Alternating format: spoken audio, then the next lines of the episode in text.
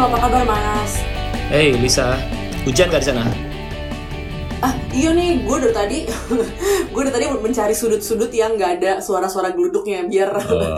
biar rekamannya bisa lebih tenang gitu ya. Dari tadi tuh kayak kilat tuh menyambar-nyambar nih. Gue lagi di Wes. kantor di wilayah Sudirman. Mas Azul gimana Mas? Iya ini makanya gue lagi gue bilang itu supaya pendengar kita jadi mahfum bahwa kita berada di tengah badai dan hujan dan geluduk. Ya. Jadi kalau ada suara-suara ya mohon maaf gitu ya. Maklum ya lagi musim hujan gitu, asal nggak banjir aja. Nah ini Ya, beberapa ya. pekan terakhir eh, sesudah naskah UU Omnibus Law eh, Cipta Kerja ini diketok sama DPR nih eh, aura-aura penolakan nih masih gencar nih Mas Azul. Iya, Jadi betul. eh, apa, gerakan buruh, mahasiswa, pelajar nih kita masih sering dengar dia eh, demo di berbagai tempat gitu ya. Eh, Mas Azul ngikutin terus ya ini beritanya? Iya, saya dengar tuh beberapa teman di kepolisian juga kasih info ke kita ya. Waktu itu sebelum tanggal 20 tuh. Saya dikasih tahu bahwa mungkin demonya tuh tanggal 20 Mas sama tanggal 28 dia bilang gitu. Jadi Iya tanggal 28 ya. Ya memang seperti diskusi kita pekan lalu ya, sebuah undang-undang yang secara formal dia legal tapi tidak legitimate begitu akan meng- selalu mengundang persoalan gitu. Jadi tingkat penerimaan publiknya juga sampai sekarang belum beres kan. Karena mereka tidak dilibatkan. Ya persis diskusi kita minggu lalu, Lis. Ya, heeh. nah belakangan ini kalau kita ngomongin kemarin demo, demo Sumpah Pemuda gitu ya, eh, ini tuh ada satu kelompok peserta aksi gitu ya yang jadi disorotan karena mereka itu dianggap nggak paham omnibus law tapi ikut-ikutan demo. Nah ini kelompok pelajar. Jadi eh, kemarin itu sempat ramai masalah eh, berita ya headline yang dibicarakan oleh netizen adalah pelajar-pelajar ini diancam akan dipersulit eh, ngelamar kerja kalau mereka ketahuan ikutan demo. Nah ini pengen tahu juga sih uh, tanggapan redaksi Tempo gimana nih mas soal uh, kasus ini?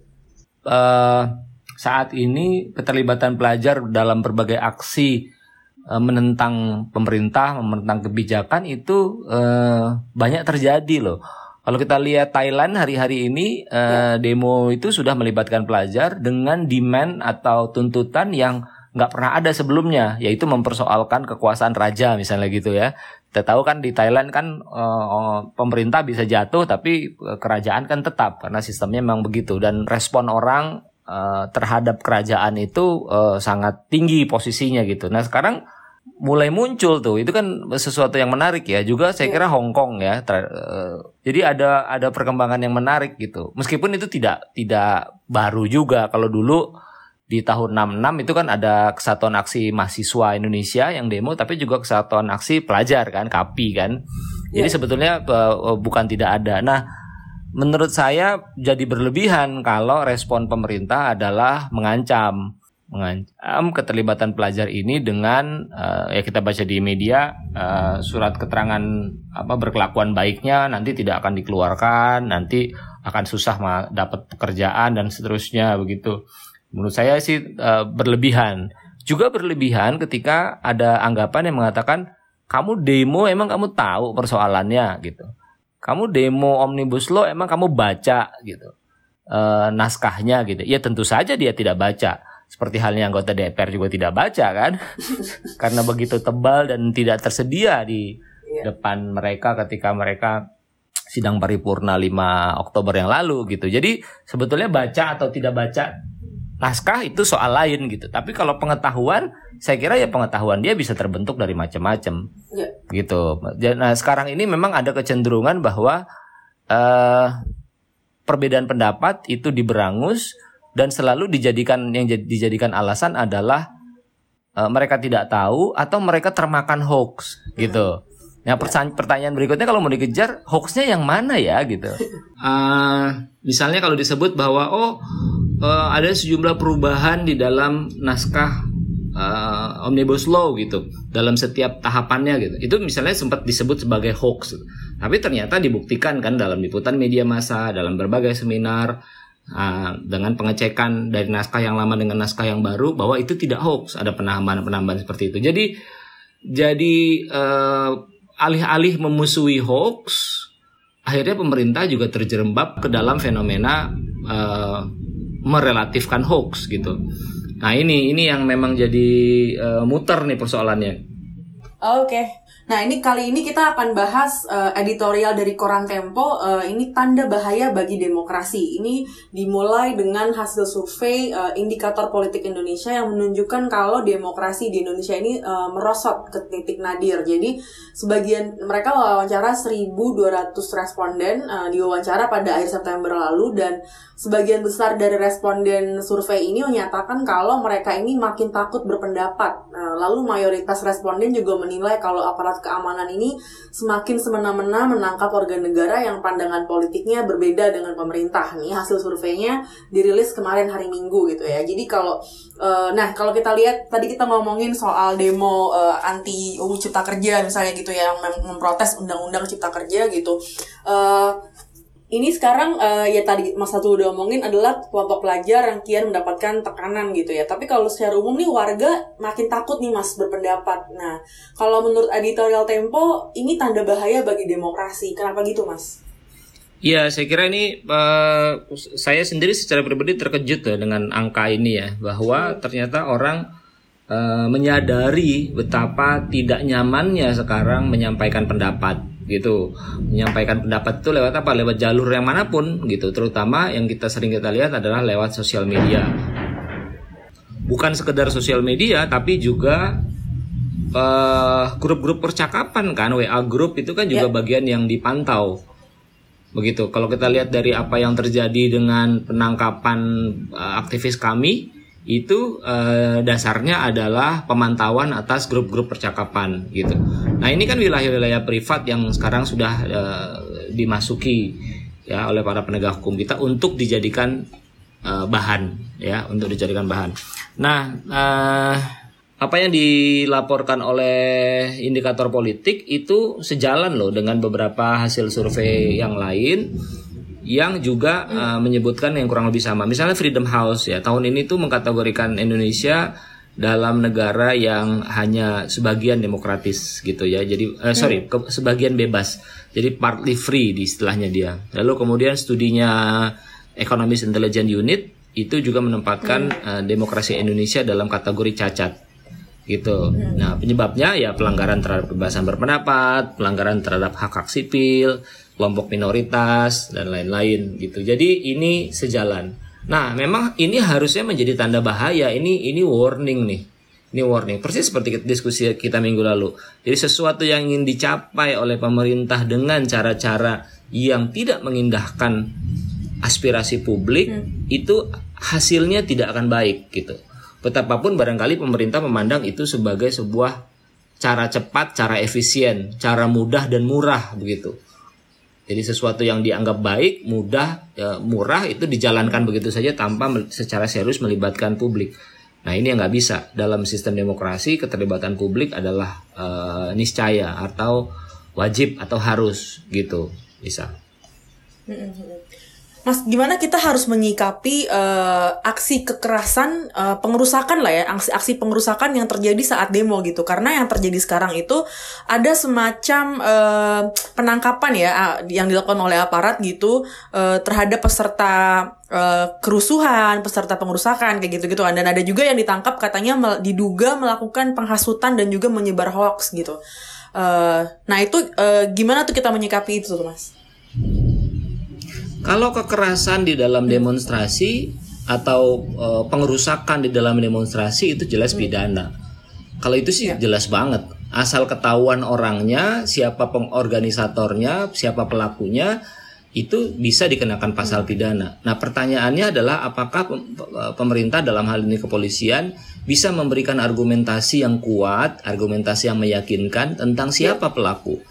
Saya kira koran Tempo beberapa hari lalu itu menyajikan satu uh, hmm. fakta yang didasarkan pada investigasi teman-teman di redaksi terhadap hmm. CCTV sepanjang demonstrasi tanggal 8 ya waktu itu ya, tanggal 8 Oktober ya, yang menemukan bahwa yang membakar uh, stasiun-stasiun terminal-terminal Transjakarta itu dilakukan pada jam yang persis sama, jam 16.00 oleh orang-orang dengan karakter yang sama atau ciri yang sama. Anak muda pakai baju hitam, pakai sarung tangan sebelah gitu. Nah, in, ini kan sebetulnya uh, memberi indikasi tentang hmm. sesuatu. Kita nggak usah nuduh ke kiri, ke kiri dan ke kanan, tapi menurut saya uh, harusnya itu bisa dibuka. Bukan kemudian itu dijadikan alasan untuk hmm. memberangus, ya. gitu loh. Itu yang penting itu yang, ya. yang kita harus hati-hati betul. Hmm. Itu yang penting. Jadi bukan hmm. alasan untuk memberangus Eh, dan sekali lagi kalau pertanyaan Lisa de, mereka yang membakar ya. merusak ya tentu hmm. harus harus dihukum secara pidana. Nah, yang berbeda adalah terhadap mereka yang dituduh menghasut atau menyebar hoax. Nah, itu gimana tuh, Mas? Nah, ini hmm. ini yang jadi problem gitu. Kita nggak bisa mengadili pikiran ya. loh. Jadi pikiran orang tuh tidak bisa diadili sebelum kemudian pikiran itu berubah menjadi tindakan yang melanggar hukum. Gitu. Jadi misalnya ada orang mikir gini, oh duh gue sebel banget ya sama omnibus law misalnya begitu ya, rasanya gue pengen ngamuk deh, bakar-bakar nih rasanya gitu. Mm. Lalu ditulis itu di dalam komputernya gitu, mm atau ditulis itu dalam percakapan dia dengan pacarnya atau adiknya begitu. Itu kan nggak bisa dihukum, itu nggak bisa dihukum gitu loh.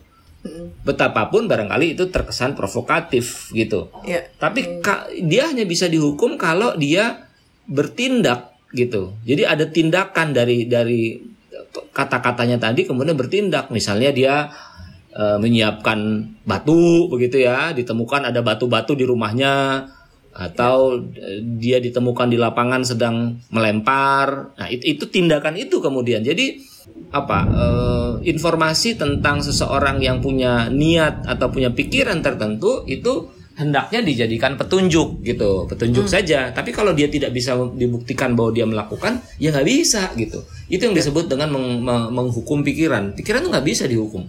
Ya. itu ngingetin gue ke film The Trial of Chicago Seven mas di oh, Netflix.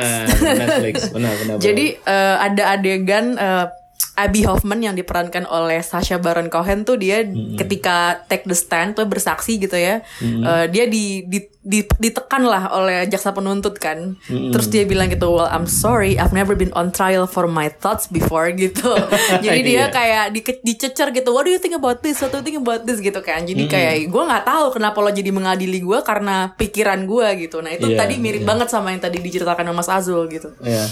saya tuh orang yang pernah hidup di era Orde Baru ya. Hmm. Uh, hidup saya juga maksud, pernah mas, tapi masih kecil ya. hidup itu artinya saya udah udah udah mulai bisa mikir gitu kan. Iya iya iya. iya. Sudah berkarya gitu. ya mas ya, ah, sudah ah. berkarya. Ya, ya. Nah waktu itu gue inget tuh dalam sebuah diskusi diskusi mahasiswa ya. aja sih sebetulnya yang ya. uh, senior gitu yang bilang begini, kamu berani nggak uh, menulis di se sehelai kertas gitu, hmm. marah terhadap pemerintahan waktu itu pemerintahan Orde Baru tuh pemerintahan Soeharto. Hmm kamu marah, kamu mencaci maki, kamu tulis, lalu kertas itu kamu lipat dan kamu simpan di dalam apa namanya dalam uh, laci yeah. mejamu gitu. Hmm. Itu dalam diskusi. Terus kita yang Terus, junior junior itu bilang nggak berani kak gitu. Dia kebayang nggak sih? Jadi gue yeah, inget betul. Ya setakut ya, itu ya mas ya. Setakut itu gitu. Jadi yeah. Iya, iya, iya kalau gue harus marah, ya gue simpen aja. Gue marah, ya gue simpen hmm. dalam hati. Ngapain gue tulis kurang kerjaan? Gimana hmm. nanti kalau suatu ketika ada ada apa pemeriksaan dan ketemu bahwa gue pernah iya. memaki-maki pejabat misalnya gitu. Yeah. Nah ini kan yang kurang lebih dirasakan nih oleh 1.200 respondennya yeah. indikator politik kan yeah. gitu kan. Kalau gue yeah, iya, tulis yeah, yeah. gue bisa kena nggak nih gitu. Yeah. Padahal sebetulnya ya ya itu tadi pikiran tuh nggak bisa diadili. Iya. Mas ini kan selama ini mungkin di Tempo terkesan meragukan kebijakan pemerintah, misalnya soal pelemahan KPK, omnibus law gitu ya. Tapi menurut uh, Fajrul Rahman, uh, ini tingkat kepercayaan publik selama setahun pemerintahan Jokowi Amin ini masih di atas 80%. Nah ini artinya kita artinya apa nih Mas? Apa kita ada di barisan minoritas nih sekarang di 20% yang meragukan pemerintah atau gimana nih? Ya, kan yang disebut Fajrul itu adalah tingkat kepercayaan. Ya. Nah, ada satu lagi uh, satu indikator lain adalah tingkat kepuasan.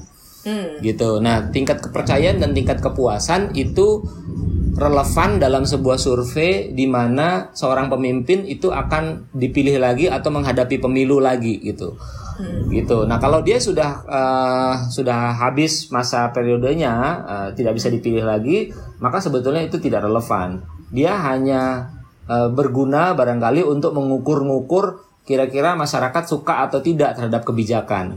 Nah, karenanya survei-survei yang dibutuhkan adalah survei yang lebih spesifik gitu. Misalnya eh, sikap orang terhadap eh, omnibus law gitu. Dia puas atau tidak puas gitu. Tapi jadi bukan digelontorkan dalam satu pertanyaan besar, lu puas atau tidak? Itu satu catatan saya ya.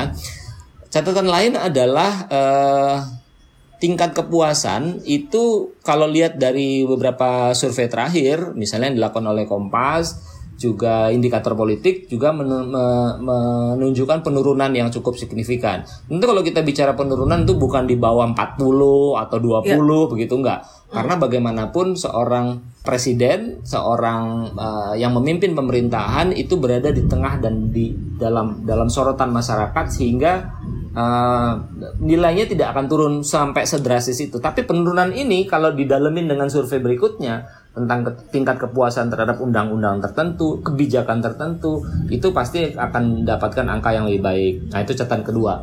Catatan ketiga adalah eh, dalam sebuah pemerintahan yang populis, ya, dalam pemerintahan yang populis, itu memang betapapun masyarakat eh, dirugikan secara global atau secara umum dirugikan oleh satu kebijakan, selalu ada cara-cara untuk membuat tingkat kepuasan itu tetap bertahan di angka-angka yang tinggi atau angka-angka yang baik Hmm. gitu. Misalnya Ya, eh, populisme itu misalnya terjadi di pemerintahan di Filipina misalnya ya, Duterte gitu ya. Ya. Nah, Duterte itu sampai sekarang masih tinggi tingkat kepercayaan dan eh, kepuasan publik terhadap dia Ya. gitu. Betapapun kebijakan-kebijakannya itu eh, tidak populer sebetulnya atau kebijakannya itu bertentangan. Dan di dalam pemerintahan yang populis itu cara membungkus kebijakan sehingga bisa diterima itu memang sedemikian canggih dan sedemikian gampang diterima terutama oleh masyarakat kecil gitu ya. Misalnya gini, kalau orang eh, bersalah karena dia mengedarkan narkoba, dia harus dihukum karena berdasarkan pengadilan kan? Mm-mm. Kan kira-kira gitu kan? Nggak bisa dong lu ditembak begitu aja. Dia harus dibawa ke pengadilan dulu untuk dibuktikan bahwa dia bersalah atau tidak. Nah, orang seperti Duterte akan mengatakan, "Ya, itu bisa lama." gitu. Sementara masyarakat yang mati karena narkoba ini udah semakin menggila apa gila-gilaan. Gua tembak aja. Nah, gitu loh. Jadi dia seolah-olah seolah-olah menyelesaikan persoalan satu masyarakat secara cepat gitu. Padahal ada satu dampak yang lebih buruk lagi yaitu tidak ditegakkannya keadilan. nah, gitu loh kira-kira. Ini kalau logikanya. di episode kemarin Mas Azul bilangnya jangan eh, semena-mena atas nama efisiensi gitu kan. betul, betul. gitu.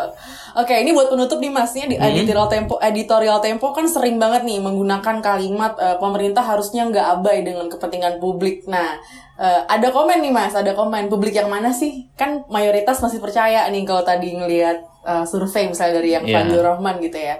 Jadi di tengah berbagai informasi yang eh, riuh ya, informasi itu ramai sekali gitu ya. Cara kita menakar nih bahwa yang disuarakan oleh Tempo nih suara publik tuh gimana tuh Mas? Ka- sekali lagi ya kalau kalau yang disebut oleh juru bicara presiden itu adalah tingkat kepercayaan itu Iya. adalah tingkat kepercayaan secara umum secara global tingkat kepercayaan terhadap presiden Jokowi setelah satu tahun memerintah misalnya gitu ya Hmm, ya. itu kan kepercayaan secara umum tapi itu tidak bisa dipakai sebagai alat untuk mengukur tingkat kepercayaan publik terhadap satu kebijakan tertentu gitu jadi Iya. harus ada satu penelitian yang lebih rinci lagi nah Spesifik gitu ya Mas? Iya, spesifik Ya. gitu. Jadi harus ada yang spesifik. Dan kalau kita lihat dari beberapa survei ya saya harus sebut Kompas gitu ya. Kompas melakukan beberapa yang lain melakukan itu kan turun tingkat kepercayaan atau tingkat kepuasan dalam hal omnibus law misalnya. Tentu pemerintah bukan satu-satunya pihak yang dievaluasi oleh eh, survei kayak begini, tapi juga ada DPR ya kan, ada birokrasi Hmm. dan seterusnya gitu. Jadi eh, sekali lagi kalau ditanya publik yang mana, ya kita akan mengatakan bahwa publik yang berdemonstrasi, publik yang marah, publik yang nggak punya nggak punya kesempatan untuk bicara, ditambah lagi dengan ketakutan mereka untuk bicara gitu. Kalau ketakutan mereka untuk bicara, akhirnya kan sangat bisa dimanipulasi tuh. Eh, bahwa ya publik udah eh, diam aja tuh, misalnya gitu ya, diam aja kan mereka nggak komen. Oke. Uh, kita menuju minggu yang agak uh, ini ya lengang dalam dalam karena ada cuti bersama tiga hari nih tiga Iya, eh, hari gila ya. 28, 29, 30 hajar terus 31 sampai 1 Sabtu Minggu gitu kan.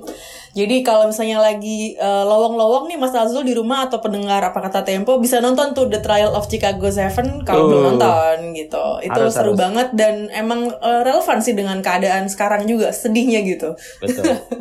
Yuk nonton ya. Gitu. Iya. Nggak, nggak usah kumpul-kumpul deh, nonton aja gitu di rumah. Jangan, ntar jadi Ya, klaster jangan. kalau ngumpul. Nanti jadi klaster. Bahaya Ini banget. Pak Anies Baswedan udah mem- memperingatkan nih libur Jangan. panjang jangan sampai ada penularan di keluarga. gitu Bener, kan. klaster keluarga nih, Iya. aduh bahaya. Klaster keluarga. Oke, makasih banget yang udah dengerin podcast apa kata Tempo. Perbarui terus informasi kamu dengan mengunjungi koran.tempo.co atau majalah.tempo.co atau bisa langsung ke aplikasi Tempo yang ada di em, iOS atau Android. Eh, jangan lupa kirim komentar tentang podcast ini dengan mencantumkan hashtag apa kata Tempo di status komentar kamu. Mau di Twitter mau di Facebook gitu ya. Ntar dibaca sama staff Tempo. Oke sampai jumpa minggu depan. Happy long weekend. Bye bye.